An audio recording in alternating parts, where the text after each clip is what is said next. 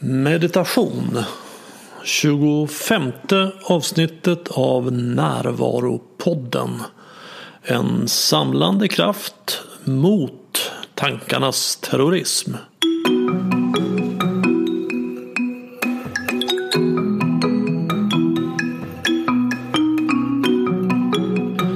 Det här är Bengt Renander. Dagens avsnitt är lite speciellt. För någon månad sedan så fick jag frågan om jag hade lust att vara med i meditationspodden Meditera Mera. Den produceras av Axel Wennhall och Gustav Nord som är två gamla klienter till mig. Och de driver också företaget Breathe In som ordnar meditations och äventyrsresor. Och Axel fungerar också som meditationscoach för privatpersoner och företag. Jag föreslog att vi ska göra en samproduktion där vi gör varsin redigering av vårt möte och sänder det i våra respektive poddar. Så det här är alltså min version och som du kommer att märka så pratar jag mer än vad jag brukar göra i poddarna. Och det beror på att deras format är mer som en intervju. Och jag är ju den som intervjuas. Jag tycker att jag fick med mycket av det som är viktigt för mig i mitt arbete för mer medvetenhet och närvaro i den här intervjun.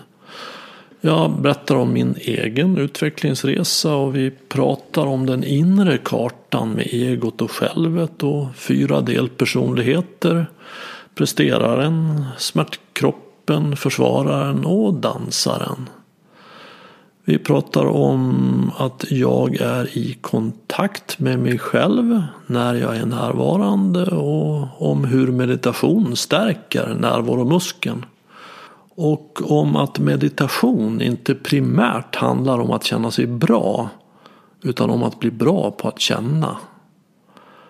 Om hur acceptans förändrar livet i grunden och vad man ska göra när man tappar en liter mjölk i golvet.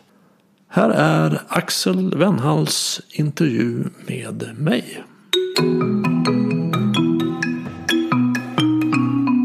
Hej Bengt. Hej Axel.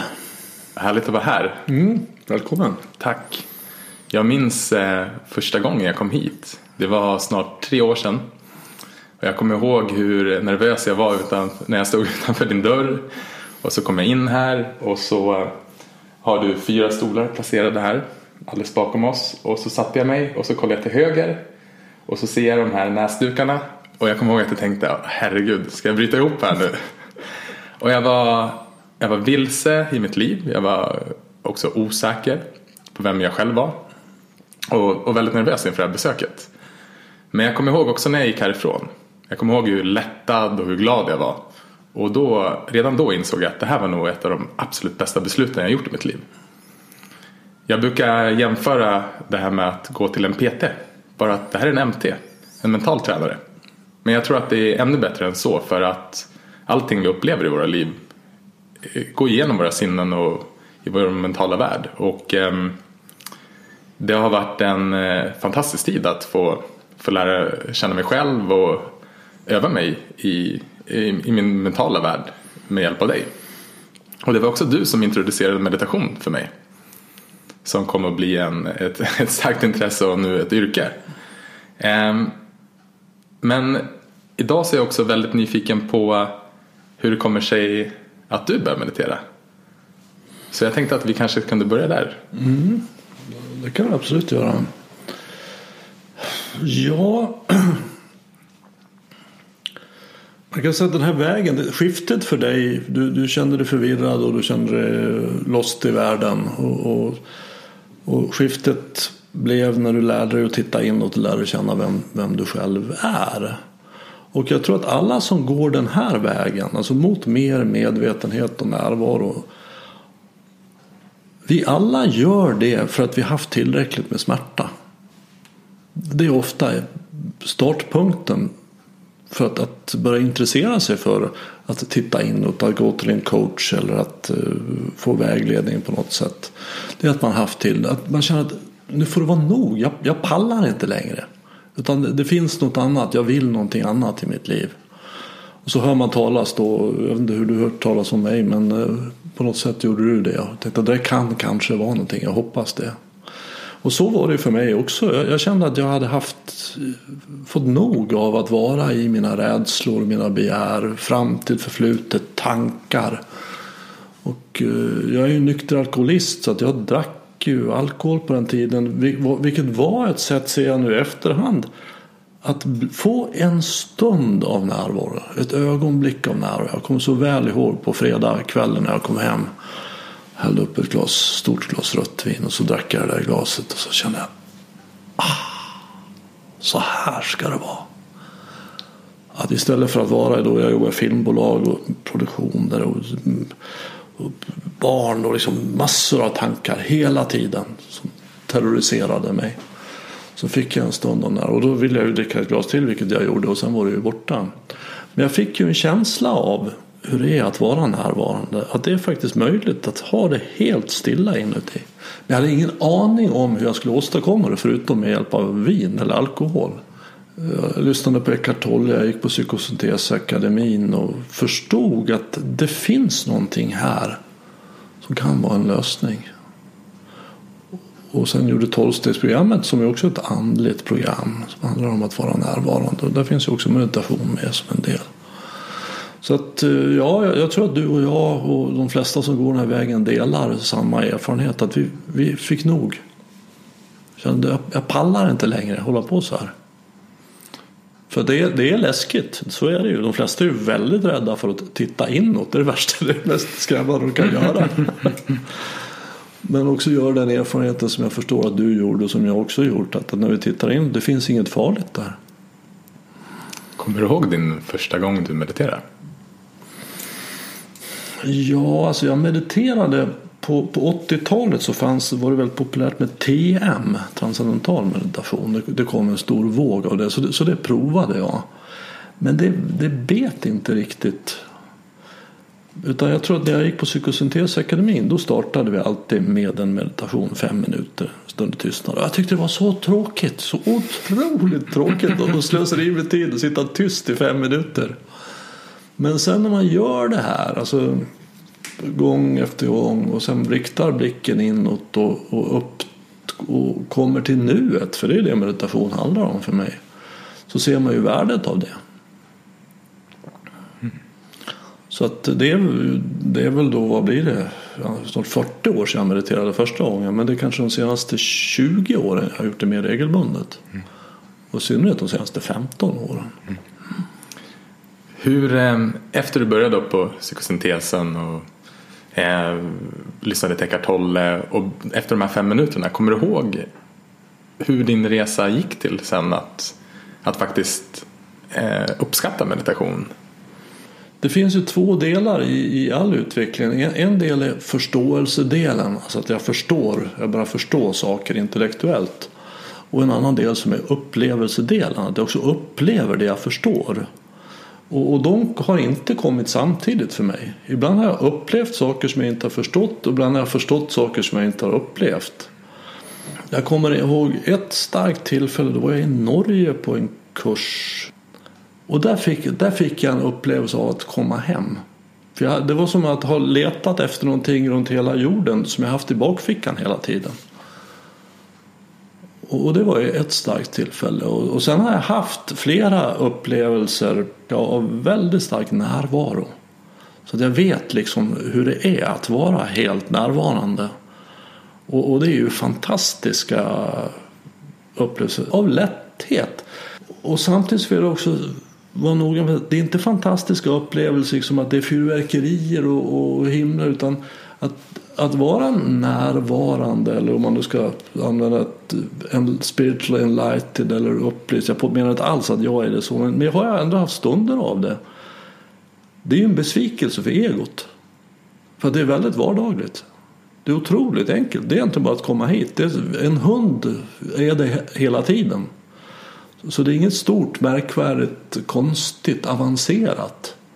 Det är ett väldigt lätt livet blir bara enkelt. Man står och steker köttbullar. Det är det man gör. Istället för att stå och steka köttbullar och oroa sig för hur det ska bli när man går i pension eller hur det var på det här bröllopet som man var på i somras eller vad man nu oroar sig för. Vi ska fortsätta in snart på eh, vad är egot? För jag tänker att alla som lyssnar på det här kanske inte vet det. Men jag vill hålla fast oss lite grann vid, vid din resa. Eh, vilka människor har betytt mycket för dig att komma dit där du är idag? Ja, det, det är ju oerhört många. Mm. Alltså, jag skulle säga att, att ingenting utav det jag kan eller upplevt har jag kommit på själv. Utan jag, jag står på axlarna av giganter. Alltså det, det är de många som har gått före som har utforskat de här markerna och jag har läst och jag har lyssnat och jag har lärt mig. Eh, Buddha är ju naturligtvis den första som, som kom på det här. Så, så, så, vet jag vet i alla fall. Som såg igenom tankarnas illusion. Som kunde så skillnad mellan vad jag tänker och vad som händer i verkligheten. Eh, honom träffar jag ju dock aldrig men han har ju inspirerat i sin tur väldigt många. Han har ju inspirerat Assad Joli till exempel som eh, startade psykosyntesen. Så det är en inspirationskälla för mig. Han har, buddhismen har också inspirerat tolvstegsprogrammet som också är en stark inspirationskälla för mig. Och Eckart Tolle alltså, lyssnade jag på ja, i tio år väldigt mycket hans olika föreläsningar. Då kunde man ha en bärbar CD-spelare och det hade jag. gick runt på Djurgården och, och lyssnade och lyssnade och lyssnade om och om igen. Och, och har fått mycket av förståelsen därifrån. Ja, det finns väldigt många. Alltså, alla som pratar om det här pratar om samma sak. Och det är att man, man gör det på lite olika sätt. Och det, det gäller ju då att hitta de som pratar om det här på ett sätt som passar en. Vad är det då alla pratar om? Ja, de pratar om att se igenom tankarnas illusion och att vara i verkligheten. Här, på riktigt. Och det som inte är verkligt är då våra tankar? Tankarna har ju en verklig karaktär så tillvida att vi tänker dem. Men det tankarna handlar om är ju inte verkligt. Alltså jag kan ju tänka att det står en, en, en arg varg i garderoben där inne. Det är fullt möjligt men, men, eh, och, och, och bli väldigt rädd. Rädsla är ju evolutionärt gynnat. I den bemärkelsen att, att de, de av våra förfäder som har varit rädda de har överlevt. De som gick mitt i flocken och sa att jag får inte komma bort, jag får inte komma bort, jag måste vara med här i mitten. De har överlevt och de som har sagt att jag sticker iväg en ett par timmar, jag ska kolla vad som händer där borta. De såg vi aldrig till igen för de tog hyenorna eller lejonen. De som har gått genom skogen och tänkt att alla ormar är pinnar, de har dött. De som har gått genom skogen och tänkt att alla pinnar är ormar, de har överlevt. Så att vi är barn till de rädda. Våra tankar, som jag menar är egot, vill egentligen bara skydda mig. Och rädsla hjälper oss att överleva.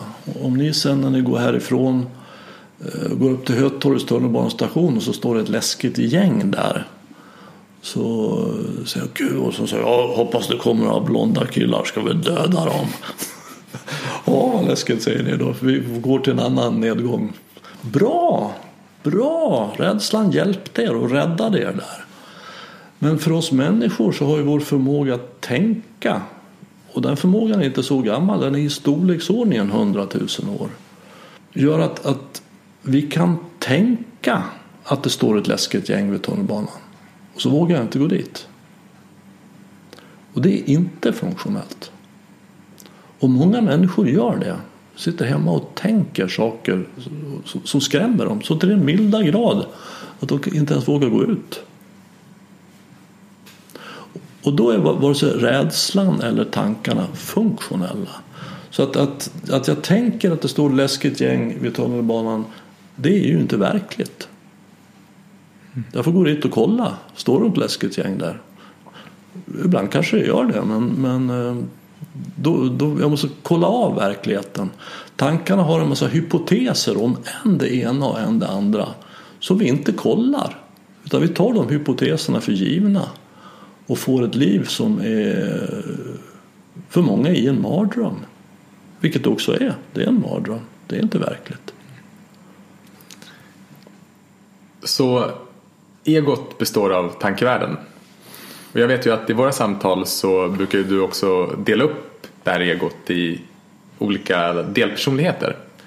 Jag tycker det kan vara ganska intressant och, och jag skulle gärna vilja att du utvecklade det.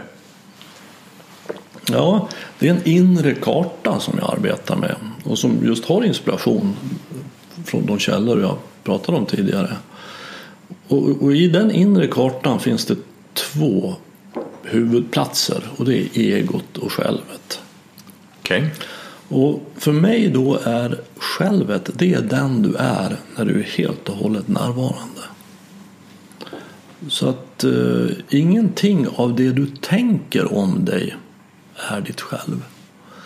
Utan allting som kommer efter jag är är egot. Jag är lång, jag är kort, jag är dålig på det där, jag är bra på det här, jag är, kan inte prata tyska. Jag är, allt som kommer efter jag är, är ditt ego. Allt det du tänker är ditt ego. Egot kan jag brukar dela in i olika delar för att förstå det. För att egot är, det, det finns så mycket i vårt ego. Det är så mycket vi tänker. Ego är ju jag på latin. Så att för mig, är det, allt jag säger som är jag, vem är jag? Det är alltså vad är mitt ego? Och eh, jag brukar dela in det i olika delar, olika delpersonligheter. Och, det är bra att göra för att förstå sitt ego. För att för de flesta människor så är det ju ett mysterium att, att hur kommer det sig att jag är så olika? Att jag ibland är jag så riktad och klar och tydlig och modig och stark. Bara brr. Och ibland är jag så liten och rädd och eländig. Och ibland är jag så charmig och härlig och mysig. Och, och ibland är jag så avstängd och kall och sur. Och, och, alltså, är jag schizofren eller vad är det frågan om? Nej, inte schizofren utan jag har olika delar i min personlighet. Olika delpersonligheter.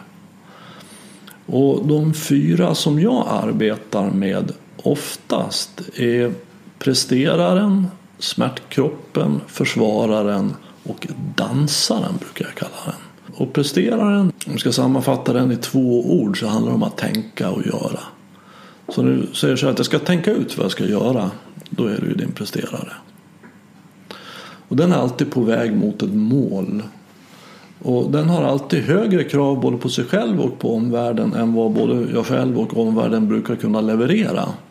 Så att har man en stark presterare så, så, får man också, så hamnar man väldigt ofta i den jag sätter mitt emot som är smärtkroppen. Och det är en del personlighet som säger att jag duger inte till. Och det finns ju då miljontals sätt att inte duga till på. Jag har för stora öron eller för små näsborrar eller för breda knän eller jag är för rolig eller tråkig. Eller, ja, det finns ju hur mycket som helst. Och att förstå den delen, det, smärtkroppen, Eckart Tolle som har inspirerat mig till det namnet. Det är också att förstå att jag har en del i min personlighet, inte hela personligheten, men en del som vill ha smärta. Den äter smärta. För det är också ett mysterium för, för många av oss. Att, vad kommer det sig att jag håller på och tänker på det här som är så smärtsamt för mig? Och jag släpper inte. Om och om igen håller jag på och maler den här skilsmässan eller den här rädslan för föreläsningen jag ska ha nästa vecka. Jo, jag har en del i min personlighet, smärtkroppen, som vill ha smärta. Den gillar smärta. Den letar upp smärta och den är väldigt kreativ. Den kan hitta smärta i nästan allting. Så det här betyder då att vi, alla människor har den här delen i oss? Ja, alla människor har en smärtkropp. Och den är då mer eller mindre aktiv. Alltså om man ger den mycket mat så vill den ha mer. Så det, det vore väldigt bra för de flesta av oss att banta smärtkroppen. Att inte ge den så mycket mat. För all smärta som smärtkroppen äter är tankegenererad. Den är baserad på tankar. För att i verkligheten händer det ganska lite smärtsamma saker. Det händer väldigt lite farligt i verkligheten. Så att den matar på. Hur ska det bli? Hur ska det gå? Tänk om de inte. Så framtid, förflutet, det som inte kommer hända, det som borde hända, det som inte får hända. Det är sånt som smärtkroppar äter. Mm. Och det kan hitta smärta i allt. Så att om jag skulle säga så här till att Axel vilken snygg tröja du har. Så kommer det uppskattning här i luften. Men, men smärtkroppen kan då omvandla det till smärta genom att säga att jaha. Vad var det för fel på den jag hade förra gången? Då, då sa han ingenting. Eller vad är han ute efter? Ska han låna pengar? Eller vad är det här frågan om? Så den kan hitta smärta i allt. Och många har en väldigt aktiv smärtkropp. Går runt i den. Hör hur den matar i sig smärta. Från morgon till kväll. Jag brukar, för att lära känna den så brukar jag säga att, att lär känna. Se vad den har för favoriträtter. Vad äter den till frukost, lunch, middag? Så kommer du att den äter mellanmål, den har fruktstund, den har snacks på bussen. Sitter och äter på snacks. Och, och, och, många smärtkroppar har liksom en, en munksbit som ligger redan på nattduksbordet. Så det första man gör när man vaknar är nej, ännu en ny dag eller åh till det här jobbet eller vad det nu är för någonting. Jag känner igen mig väldigt tydligt i det här och jag minns ju också så väl eh, när jag kom hit att, att just känslan av att förstå, aha, okej, okay, det är det här jag håller på med. Jag har ju den här presteraren i mig väldigt, väldigt starkt, väldigt tydligt. Eh, har studerat och landat ett eh, prestigefyllt PR-jobb. Jobbade jättemycket. Och hade hela den här känslan av att ja, men för att lyckas så kan man ju aldrig vara nöjd. Men det jag insåg var ju bara att det här, det här var ju bara ett sätt att mata det som du beskriver som smärtkroppen. Mm. Mm. Och eh, det är ju intressant det här med fruktstund för smärtkroppen för jag kan ju fortfarande vakna upp på morgonen och det känns bara, vad är det som är fel? Mm. Och det som är fel då, är det då att jag omedvetet tänker på någonting som har satt igång då smärtkroppen? Ja, man kan ju börja med att titta sig runt. Om man vaknar upp och så ser man att brinner det någonstans eller är det någon som kommer att anfalla? Alltså är det någonting? För att ibland är det ju fel mot det verkligen. Man behöver faktiskt göra någonting åt. Eh, oftast är det ju inte det. Och ser man då att det, det, verkar, det finns ingenting här nu i verkligheten. För verkligheten är det som är här nu. Okej, okay, det finns allt verkar, sängen ser normalt ut, det brinner ingenstans, det ser okej okay ut. Då är det tankarna, då är det tankegenererad smärta. Så är det, vad är det jag håller på och tänker här nu som ger mig smärta? Så kan man ju titta på det och se, vad är, är det här någonting som jag behöver tänka på. Alltså jag, jag, många gånger så jag brukar likna det vid att smärtkroppen har sådana arkiv med VHS-filmer. Det finns kanske lyssnare som inte ens var födda när VHS-filmerna var. Du bara, du bara visar hur gammal du är i ja, det här precis, avsnittet. Precis. Alltså, CD-spelare och VHS. Och, ja, precis. Ja. Så att man har, men man har, har filmer, ett filmarkiv som den smärtkroppen sitter och tittar på. Som är skräckfilmer. Som handlar om att jag aldrig kommer att träffa någon. Och så det står det liksom på ryggen. Och jag kommer aldrig att... Så tar smärtkroppen och så sätter man och tittar. Jag har sett den här 200 gånger tidigare. Jag tycker den är jättejobbig, jättetråkig och jag hatar den. Men nu tittar jag, trycker på play så tittar jag på den en gång till. och, och så där håller smärtkroppen på. Och det där är ju inte klokt. Jag vet inte om jag ska ta klart de här delpersonligheterna. Absolut, Absolut. Men, men det är intressant att bara konstatera att mm. smärtkroppen är som ett filmarkiv med jobbiga, dåliga filmer. Ja, ja, dåliga vet jag inte. De är ofta skickligt gjorda. Ja, okay, för ja. de handlar om exakt det som jag är rädd för. Mm. Exakt min värsta mardröm. Mm. Så att om det är att få en hjärntumör, då kommer de att handla om det. Men är, jag inte speciellt, är inte det min värsta mardröm att få en hjärtumör utan att bli lämnad, då kommer de att handla om det. Så att de, de, de handlar inte om någonting som jag är lite halvrädd för utan den värsta mardrömmen. Okay. För det är det mest näringsrikt för smärtkroppen. Att det kommer inte gå bra för barnen eller är inte tillräckligt bra förälder eller partner. Eller, ja, det här som vi är riktigt rädda för det är ofta det de handlar om.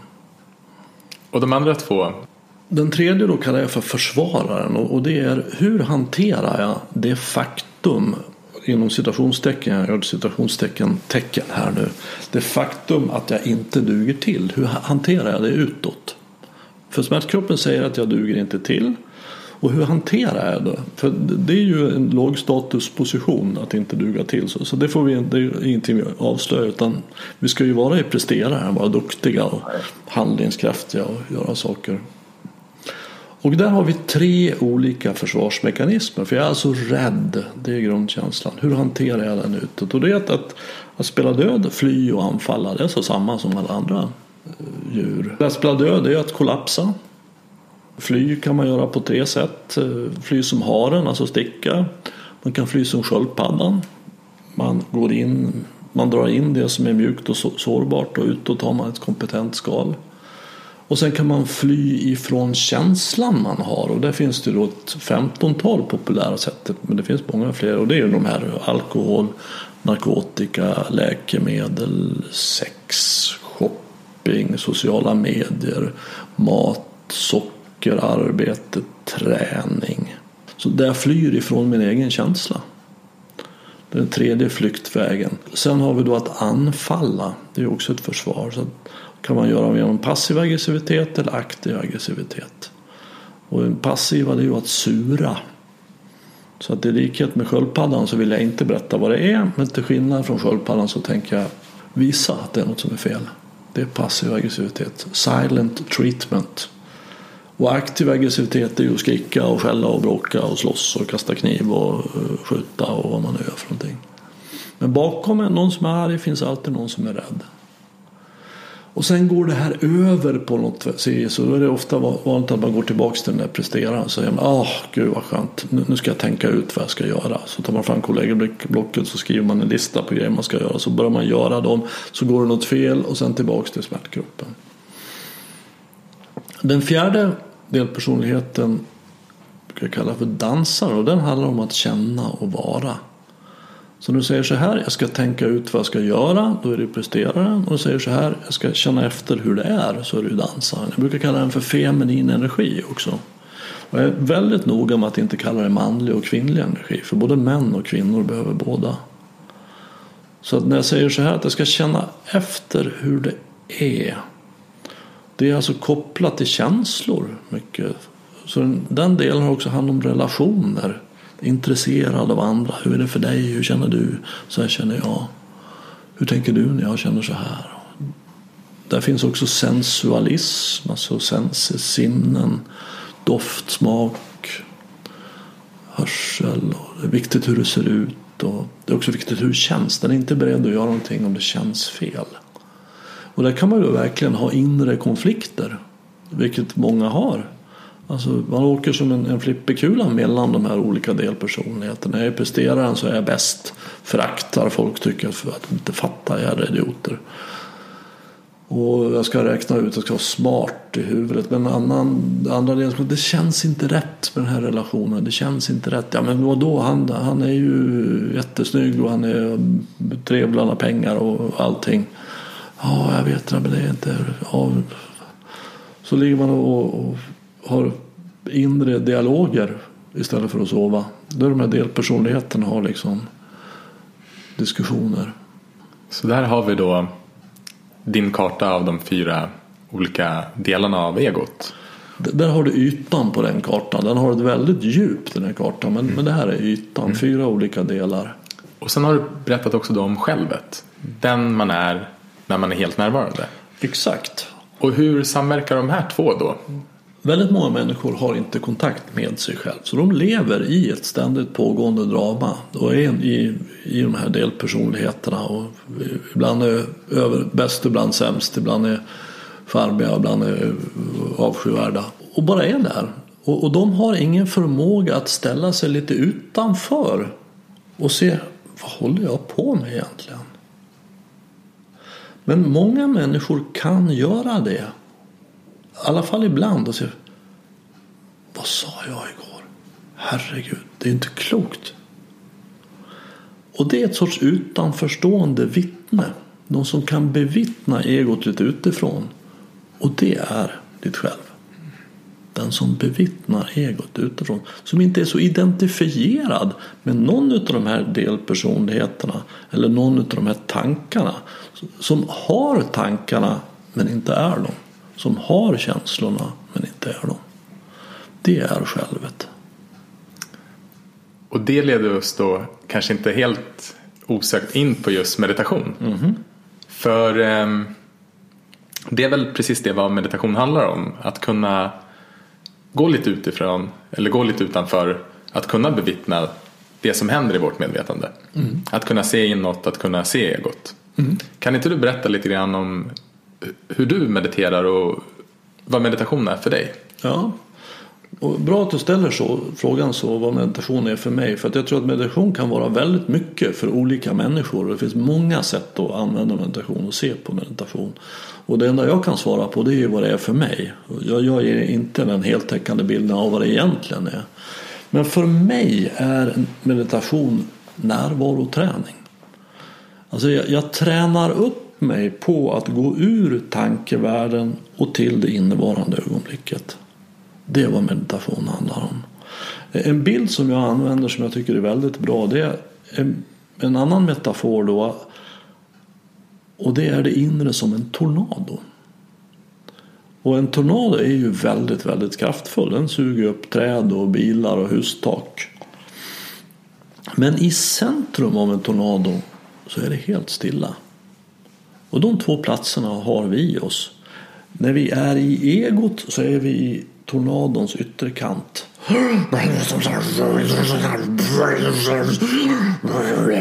Och är vi där så, och inte har någon kontakt med vårt centrum så är, så är det vårt liv hela tiden. Men när vi är i centrum, i vårt inre centrum, så är det helt stilla. Det finns frid, sinnesro, kreativitet, visdom, kärlek och humor. Allt det vi letar efter finns där redan i vårt centrum, i vårt, när vi är i kontakt med oss själva. Det finns ju en centrifugalkraft i en tornado som gör att vi sugs ut. Och så, och så det är väldigt lätt att bara vara där ute hela tiden. Man kommer inte in där. Det kan till och med vara så att i början av den här utvecklingen att man känner att jag är här ute i dramat. Men jag kommer inte till mitt centrum. Jag kommer inte till mitt centrum. Jag kommer inte till den här fridfulla platsen i mig. Jag vet att det finns där men jag kommer inte dit. Och då brukar jag säga att man inte har en tillräckligt stark närvaromuskel. Det krävs en, en närvaromuskelkraft att gå ifrån egodramat till centrum. Och det är det jag gör när jag mediterar. Jag tränar upp min närvaromuskel. Berätta, hur går det till? Ja, om jag tränar upp min armmuskel så tar jag en hantel och sen så har jag den nere, nu har jag en rak arm och så böjer jag upp armen. Och så släpper jag ner den igen och så böjer jag upp armen. Och varje gång jag böjer upp armen så är det ju en ansträngning för muskeln. Så att jag tränar den. Och jag, jag tränar upp min armmuskel. Gör jag det här bara en gång så att jag gör 30 stycken curls heter det va? Mm. Ja, 30 stycken curls. Så, så kommer jag ju eh, dagen efter ha träningsverk. Men säg att jag, jag vill ha en stark armmuskel. Jag tycker det skulle vara lite läckert om jag hade lite större armmuskler. Så jag, jag, gör det även dagen efter. Och då gör det ont ännu jobbigare. Och jag gör det tredje dagen och fjärde dagen och det blir bara egentligen jobbigare och jobbigare. Och efter en vecka ställer jag mig framför spegeln och säger att det har inte hänt någonting. Det här är ju det är inte för mig. Andra får nog större armmuskler avgöra det här. Men jag får inte det. Jag ser ju det. Och det är lite grann samma sak med meditation. Att jag behöver träna det. Och vad är det jag tränar då? Jo, jag har tappat bort mig i tankevärlden. Så att jag går till upplevelsevärlden. Det är de två världar vi kan ha vår uppmärksamhet i. Det finns inga andra ställen att ha den i. Tankevärlden eller upplevelsevärlden. Och upplevelsevärlden är ju då till exempel att uppleva hur känns det i fötterna just nu. Att uppleva det. Så när du gör det så är det ju upplevelsevärlden och sen kommer det då en tanke. Jädrar, jag glömde ringa eh, Sixten. Men istället för att gå och ringa Sixten så identifierar jag det som tanke och så går jag tillbaks till upplevelsen av fötterna. Varje gång du gör det så har du gjort en mental curl om vi nu ska kalla det det. Alltså du har, har, du har stärkt din närvaromuskel. Och människor som mediterar de brukar uppleva att de sätter sig och så mediterar de en kvart första dagen och tycker att det här var ju bara tråkigt. Jag bara satt ju och tänkte. Andra dagen är det ännu tråkigare, jag tänkte ännu mer. Och efter en vecka så, nej, det, det här var inte för mig. Utan det, det funkar nog för andra. Men det är med meditation som det är med att träna armmuskeln. Det räcker inte med en vecka. Men om du gör det varje dag i en månad. Om du gör 30 curls med en hantel varje dag i en månad så kommer du att få en starkare armmuskel. Även om du inte tror på det. Så att även så jag, jag tror inte på det här med curls.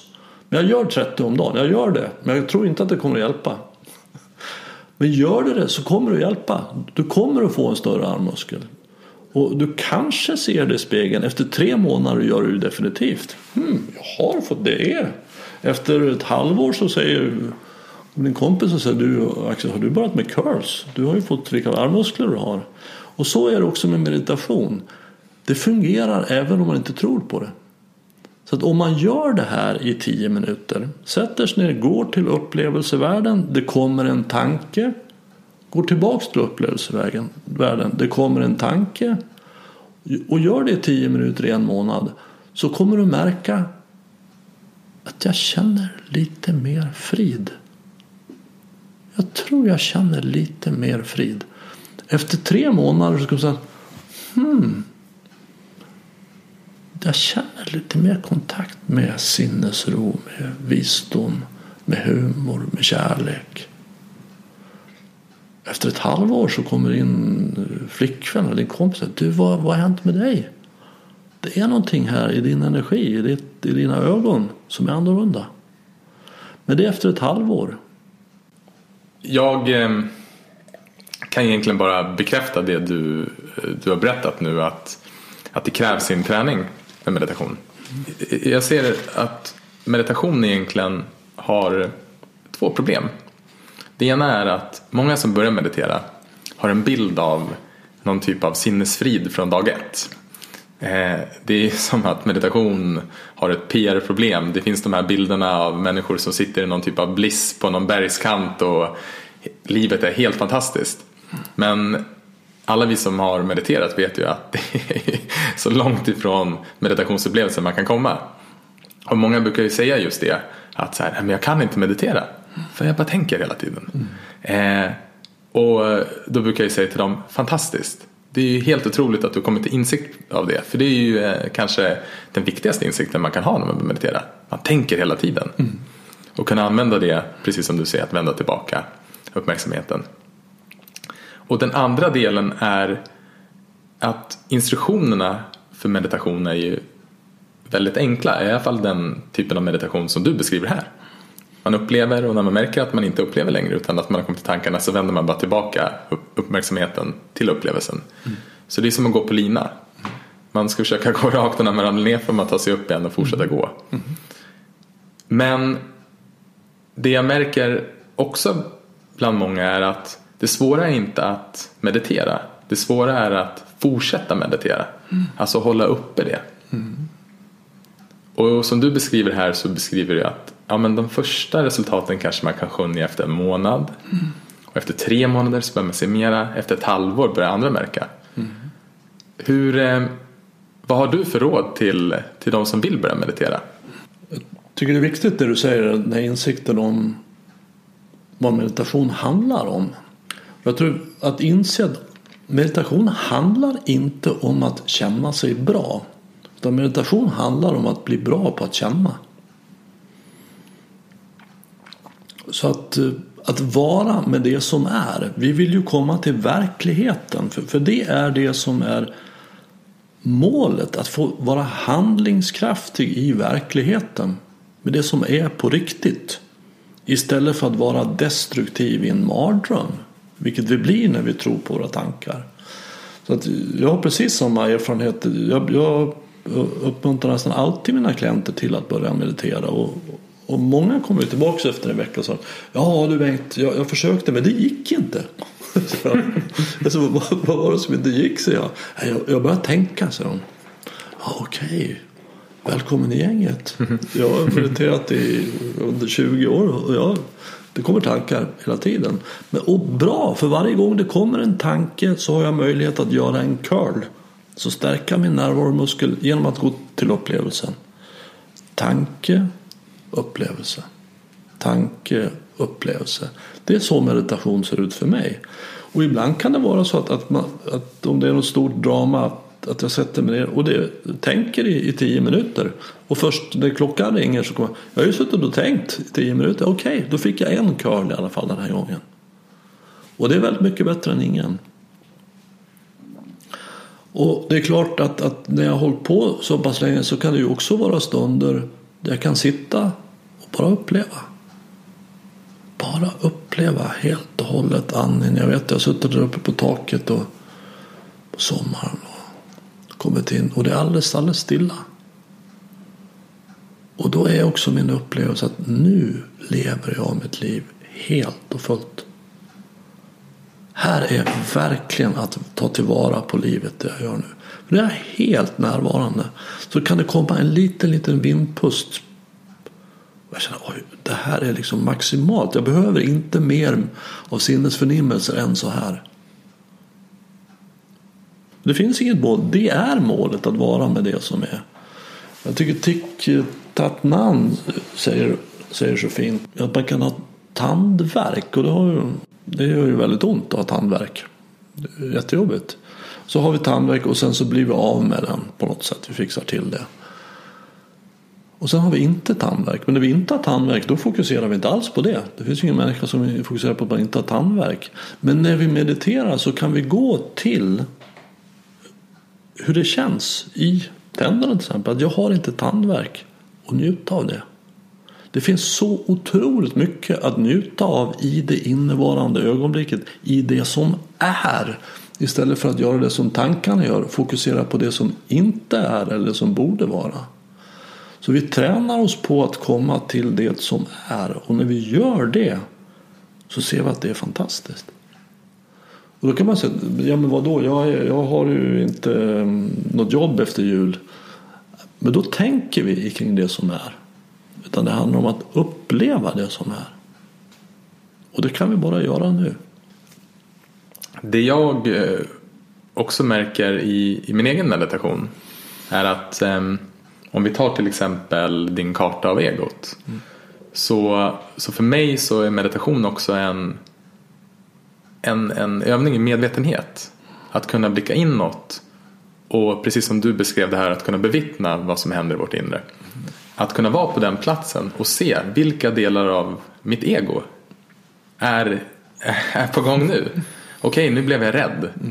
Eller nu vill jag fly från den här situationen. Eller nu har jag min presterare som, som vill leverera det här. Eller, eller sådär. Så att um, hur hur jobbar du när du mediterar i att bli mer medveten om, om ditt ego? Ja, men det är väldigt mycket det man gör. Att bevittna egot. Se vad som händer. Och, och att kunna då se vad är, den, vad, är det skickliga sättet? Vad är det visa? Det är ett bättre ord. Det, vis, det kloka, det visa sättet att hantera den här situationen. För egot har ju en reaktion till nästan allting. Att man blir arg eller glad eller vad, vad det nu än är. Så då, det är väldigt lätt att gå runt som en reaktiv automat. Så när det händer saker så då får jag den här reaktionen, händer det där så får jag den där reaktionen. När jag kommer till självet så kan jag bevittna det. Det här egot är fortfarande helt aktivt, det behöver inte försvinna och det har reaktioner. Men vad vill jag själv? Alltså en del av mig vill sparka, in en, sparka i garderobsdörren nu för jag är så förbannad och skrika det här. Men vad vill jag själv? Och hur vet man det? Ja, genom att komma till den jag är när jag är närvarande. För är jag aldrig i kontakt med den jag är när jag är helt och hållet närvarande så har jag inte heller kontakt med mig själv. Men när jag kommer i kontakt med mig själv så vet jag alltid vad som är rätt för mig nu. Sen är det inte säkert att jag gör det. Alltså jag gör inte som jag själv vill. Själv så vill jag bara sitta här och uh, titta ut över skogen. Men, men nu ser jag att jag går in och äter ett paket kakor. Vad håller jag på med? Igen. och ju mer jag då tränar upp min kontakt med mitt själv. ju mer blir det den bestämmande faktorn i livet. Vad vill jag själv istället för att jag håller på med massa grejer som jag själv inte vill. Du har pratat eh, lite grann om allt det fantastiska som man kan få uppleva när man är närvarande. Hur märker du av i ditt liv att du mediterar? Vilka effekter märker du av i din, ja, men i din, i din dag? Ja, att, att, att, livet blir väldigt enkelt och vardagligt. Mitt liv är helt omärkvärdigt på alla sätt. Jag, jag går och handlar på Coop och så går jag hem och så lagar jag mat och så ja, träffar jag människor. Att, att det, det är bara enkelt för det mesta. Men ibland dras jag ju in i mitt ego. Jag gör det varje dag fortfarande. Och då blir det ju jättedramatiskt och väldigt allvarligt och, och, och hemskt och hur ska det gå, hur ska det bli? Men jag vaknar upp mycket, mycket fortare. Alltså, så att, och det är ju en väldigt, väldigt skillnad på att vara arg eller orolig i 30 sekunder eller en hel dag. Jag brukar likna det vid att att om du har en person som är fysiskt otränad så ska den gå på fika hos en kompis som bor i ett höghus tio trappor upp och när den kommer fram så är hissen trasig. Så den personen får gå upp för tio trappor. Det är ju helt slut när han kommer upp. Alldeles svettig. Det tar ju en halvtimme innan han kan dricka kaffe och, och, och har kommit tillbaks. Och så är det en person som är fysiskt vältränad som ska på samma fika.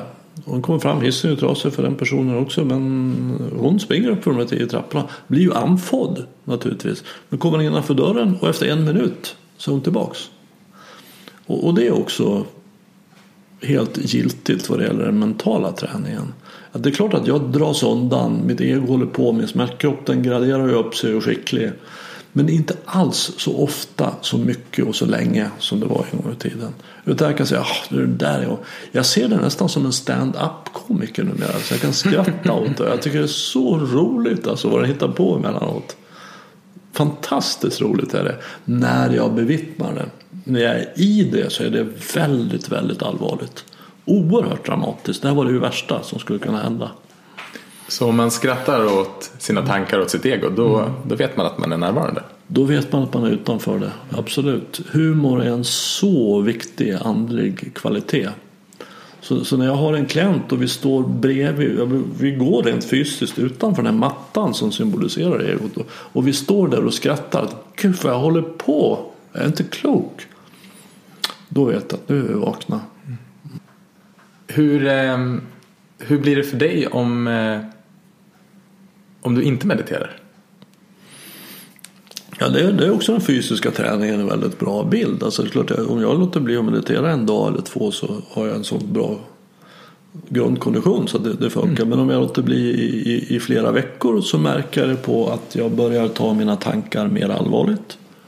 Jag tror på mina tankar. Det blir mer drama, det blir mer rädslor, mer begär, det blir mer o, o, ofrid inuti. Mm. Men jag märker det ju inte som att nu har jag inte mediterat. Det är inte så det kommer. Utan att, att ja just det, nu har jag, jag, jag hade ju glömt bort hur jobbigt det här var. nu kommer jag ju ihåg det. Mm. Hur, eh, hur ser dina meditationsvanor ut idag? Ja, dels så har jag ju förmånen att ha ett arbete så att jag, jag får ju meditera i alla fall 20 minuter varje dag med mina klienter.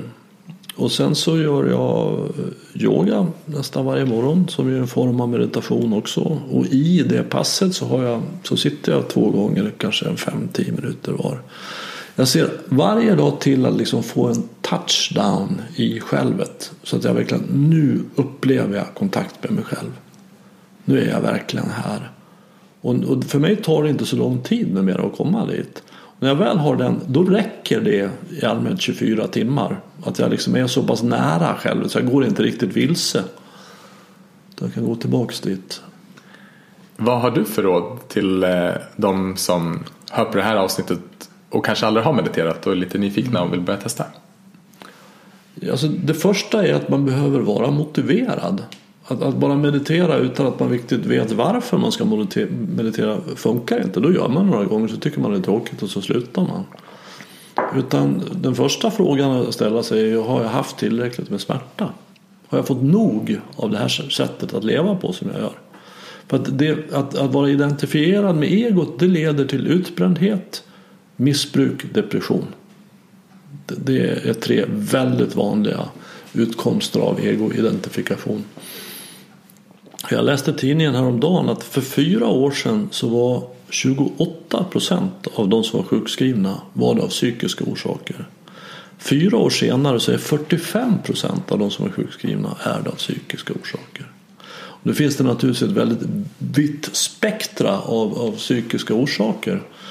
Men eh, jag är alldeles övertygad om att väldigt mycket av det dåliga måendet vi har, dåliga psykiska hälsan vi har, har att göra med att vi identifierar med vårt ego. Vi skiljer inte på tankar och verklighet i vår kultur. Och nu är det så många som säger, ja men vadå, då ska man acceptera att det här är som det är och inte göra någonting åt det? Nej! Vad det här handlar om när jag mediterar och kommer till acceptans, vad, som, vad det handlar om är att jag blir handlingskraftig i verkligheten. Så jag gör åt saker på riktigt. Så vi kan åstadkomma förändring på riktigt istället för att vara destruktiv i en mardröm. För det hjälper inte att vara arg på saker eller oroa sig för saker. De förändras inte av det. Utan jag slösar min energi på sånt som inte ger någon skillnad. Det här handlar om att jag samlar ihop min energi så att jag kan göra saker på riktigt. För en viktig del för att kunna bevittna det som är och komma till närvaro är just acceptans. Mm -hmm. Kan inte du bara beskriva vad, vad du har för definition av acceptans? För jag tror att det är många som också missförstår vad acceptans kan vara. Mm. Det, det, är ett av de mest missuppfattade begreppen. Mm. För egot är acceptans att vadå, ska jag bara acceptera att det är så här dåligt och inte göra någonting? Mm. Ja, fast det, det, är inte alls vad acceptans handlar om i min värld. Utan jag, jag, brukar berätta en historia som jag tycker är tydlig och bra. Och det är om du tänker att du vaknar sent på morgonen, ska jag på till jobbet. Jag tänker jag, jag hinner kanske få i mig frukosten då. Så du springer fram till kylskåpet så rycker upp kylskåpsdörren och pang åker mjölkförpackningen som stod i dörren i golvet och splash så exploderar den. Och egot blir ju liksom Fan, vem har ställt den i dörren? Jag har ju sagt att det ska stå inne och nu är det... Jag blir otroligt arg och mot det och frustrerad och kommer till jobbet och säger Vet du vad som hände? hos mig i morse. Hela dagen är förstörd. In i den energin. Det är egots energi. Och Eh, vad innebär då ett accepterande förhållningssätt? Ja, springer fram till kylskåpsdörren, öppnar den, mjölken i golvet, splash. Och här har vi då den stora skillnaden. Jag skulle säga att det här är det största skiften människor kan göra i sitt liv. Och det är att komma till verkligheten och säga okej. Okay. Och nu säger jag, vad då okej? Okay? Det där är väl inte okej? Okay? Nej, jag säger inte okej för att jag tänkte när jag sprang fram till, till dörren att det ska vara spännande om det händer någonting extra den här morgonen. Eh, och så öppnar kylskåpsdörren så åker mjölken i golvet. Splash. Okej, okay. det är inte därför jag säger okej. Okay. Jag säger okej okay för att den är där. Och det är det största skiftet jag kan göra i mitt liv. För att jag gör inte längre verkligheten till min fiende. Utan jag går med det som händer. Och då ska vi också komma ihåg att jag säger okej okay till att mjölken ligger där innebär inte att den behöver ligga kvar. Utan jag kan säga att jag vill inte att den ska vara kvar. Okej, okay. så jag tar en trasa och torkar upp den.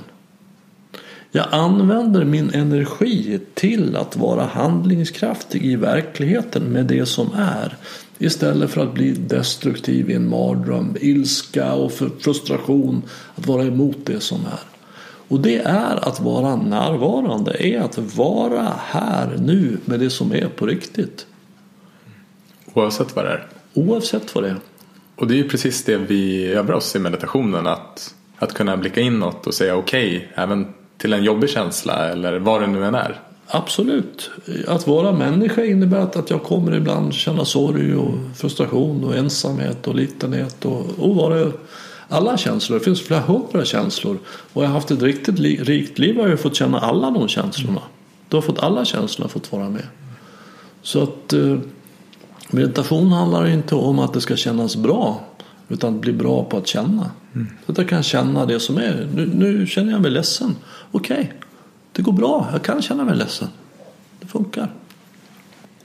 Vad har du för råd? För jag tänker att det finns eh, säkert flera som lyssnar på det här avsnittet som känner att men jag har ett ganska bra liv. Jag har inte den här smärtan som Bengt pratar om. Men jag är fortfarande nyfiken på meditation och det här verkar ju vara ett fantastiskt bra sätt att kunna bli ännu lyckligare.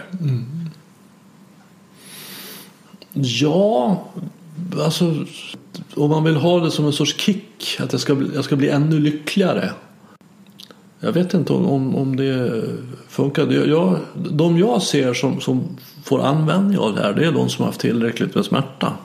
Att den ingångspunkten är oftast bättre. Att man känner att jag, jag har fått nog av det här. För att jag menar om jag har ett väldigt bra liv, allting funkar. Så, så är det förmodligen så att jag redan är ganska närvarande. Jag är handlingskraftig verkligen. Jag står och steker mina köttbullar och steker köttbullar när jag steker köttbullar.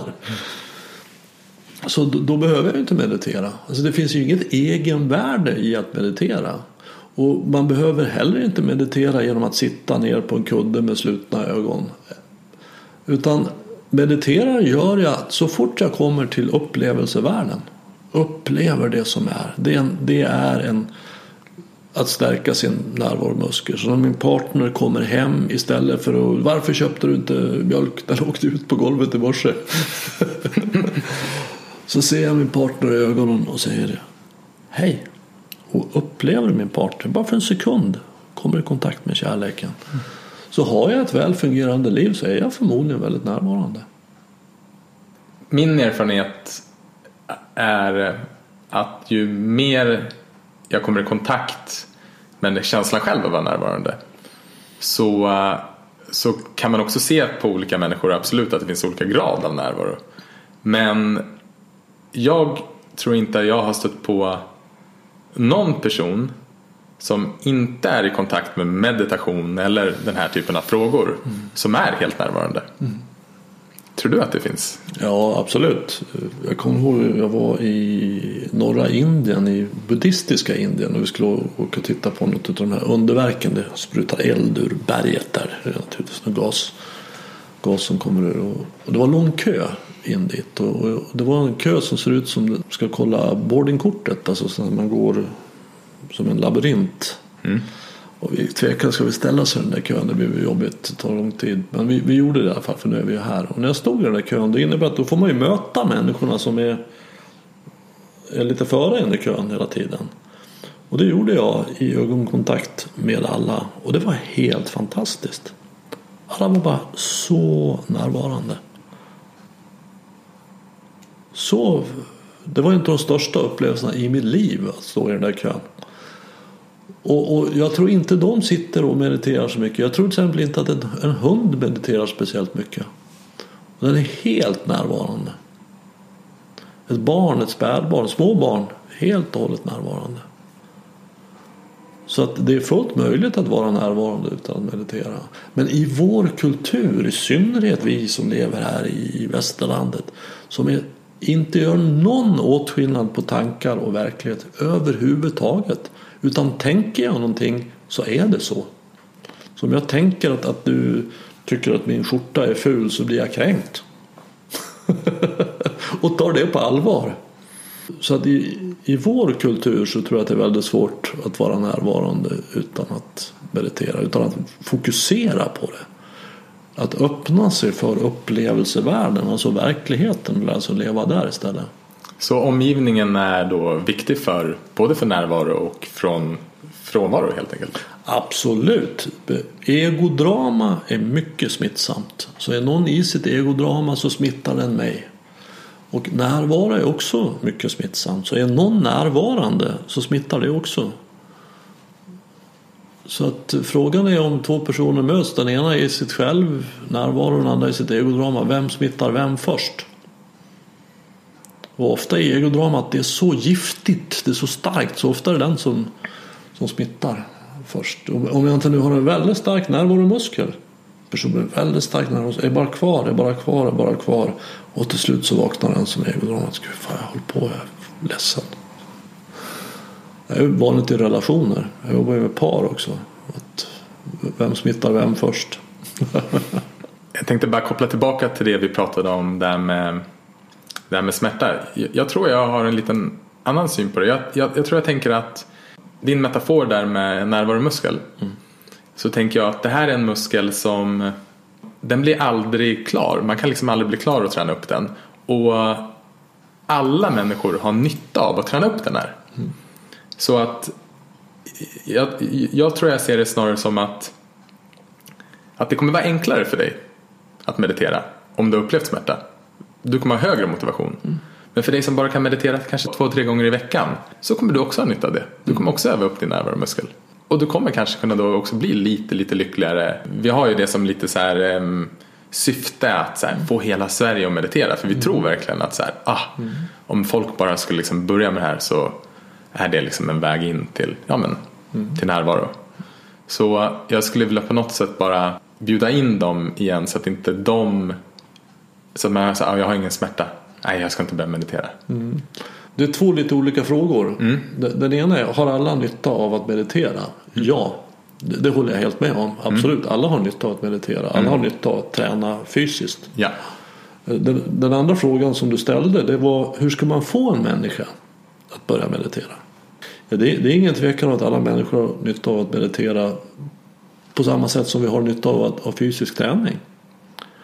Och det är därför jag tycker fysisk träning är en så bra bild också. För det är inte så att man gör det och sen är man klar och så är det gjort. Utan det är någonting vi behöver upprätthålla. För närvaro är verkligen en färskvara. Det är helt otroligt vad fort man glömmer bort det. Mm. Och man tappar bort sig själv så fort. Så jag behöver upprätthålla den kontakten och jag behöver göra det varje dag. Det är ingen tvekan om det. Men jag behöver äta varje dag också. Så det påminner mycket om att träna, äta. Det är inte så att vi gör det och så är vi klara. Jag tror till och med att mindfulness betyder väl påminnelse. Att påminna sig att komma tillbaka till närvaro. Och ehm, just det, det du beskriver det här med att närvaro är en färskvara precis som kondition så har man ju vetenskapligt kunnat bevisa det. I den här boken Stillhetens styrka av Richard J. Davison och Daniel Goldman så har man ju sett att efter bara två veckors meditation så eh, förstärks arbetsminnet, tankarna behöver vandra mindre och eh, man blir mer fokuserad. Mm. Men om man slutar meditera då försvinner det här mm. ganska omgående. Absolut. Och det, det, finns ju många studier på. Det är ju nu klarlagt att meditation är en väldigt, väldigt stark hjälp mot stress och stressande tankar och, och dram, inre drama. Mm. Så att eh, det är det ju ingen tvekan om. Mm. Har du gjort några misstag i din andliga resa eller när du har suttit och mediterat som du kan varna andra för eller några kloka råd? Ja, alltså det där med misstag är ju liksom man är ju tvungen att göra dem för att lära sig det. Så att det, är, jag är glad för de misstag jag har gjort. Men ett, ett är ju att jag under flera år så satt jag med ganska mycket smärta. Alltså att jag satt i meditationsställning. Jag skulle göra, sitta i, med benen korsade på kudden. Och det gjorde fruktansvärt ont. Jag hade dessutom problem med min höft då. Okay. Så att jag mediterade mycket på smärta och det är för sig eh, Det är inte så dumt för smärtan är så påtaglig som fysisk förnimmelse. Så att man om man börjar tänka så gör det för ont. Så, jag, så länge jag är fokuserad på smärtan kan jag sitta. Men eh, lärdomen är att man behöver kanske inte sitta på något speciellt sätt. Jag tycker att det är bra att sitta för folk som ligger och mediterar de somnar ofta. Så det, och det är också ett sätt för att visa mig att, att nu gör jag det här. Nu, nu sitter jag och mediterar. Men att man kan sitta på en stol och göra det. Man, man, indierna säger att, att skälet till att vi sitter på golvet är att vi inte har några stolar. Man behöver inte sitta på golvet för att meditera. Utan, eh, så att du sitter bekvämt. Om du inte nu har fattat ett beslut att nu ska jag meditera på smärta. Då kan du sätta dig i en smärtsam position så mediterar du på det. Hur, hur det känns. Men det är väl ingenting att börja med. Så, så det är väl en sak att jag, man behöver inte sitta i någon speciell ställning. Men jag sitter nu med korslagda ben och på en meditationskudde. Och det gör jag för att, att jag får en rak rygg. Och mm. sitter bra där nu. Så nu gör det inte ont längre. Och den raka ryggen, den, den egentligen har då som fördel att du blir mer alert och vaken när du Ja, mediterar. det, jag känner att det blir väldigt klart. Ja. Det, det, det är lätt att sitta så. Än om jag skulle sitta i en fåtölj. Tillbakalutad. Fint råd. Jag tror att det är många som tror att man behöver också sitta på ett visst sätt eller göra på ett visst sätt. Men det är inte det det handlar om. Nej, det är inte det det handlar om. Nej. Det handlar om att vara med det som är. Uppleva det som är. Vad är din definition av närvaro? Som vi har pratat om så mycket idag. Ja, alltså jag rör mig med två begrepp och det är medvetenhet och närvaro. Och, och de hör ihop. Och om den definition som jag använder är att medvetenhet är förmågan att skilja mellan tankar och verklighet. Utspelar sig här i tankevärlden eller utspelar det sig i verkligheten? Och att jag kan skilja på det. Och ju mer medveten jag är ju, ju större är min förmåga att skilja på det. Och närvaro är förmågan att ha min uppmärksamhet i det innevarande ögonblicket. Det är också en förmåga, så jag tränar upp den, att jag kan vara här med det som är. Istället för att dras bort i mina tankar, försvinna iväg. Så närvaro, förmågan att ha min uppmärksamhet i det innevarande ögonblicket. Och det är det vi tränar upp i meditation. Tusen tack för att vi fick komma hem till dig idag. Tusen tack för det här fina samtalet. Tusen tack för att ni kom hit, det var ett nöje. Tack.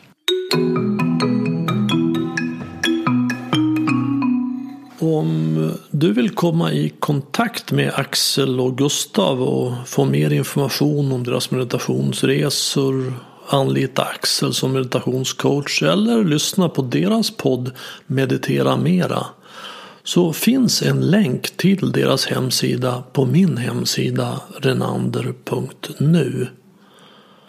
Jag har också spelat in en ny meditation som finns att ladda ner gratis under fliken länkar och nedladdningar på min hemsida. Vill du stödja podden i kampen mot tankarnas terrorism så gör det genom att tipsa om att den finns till vänner och bekanta. Och det är också hjälpsamt om du betygsätter och skriver kommentarer på iTunes. Desto fler vi är som är vakna i verkligheten, ju mer kan vi förändra än på riktigt. Och vet du någon som arbetar med att stödja andras närvaro och som du tycker borde vara med här så tar jag tacksamt emot tips. Tveka inte att kontakta mig och enklast gör du det via kontaktformuläret på min hemsida renander.nu. På återhörande och du, var uppmärksam.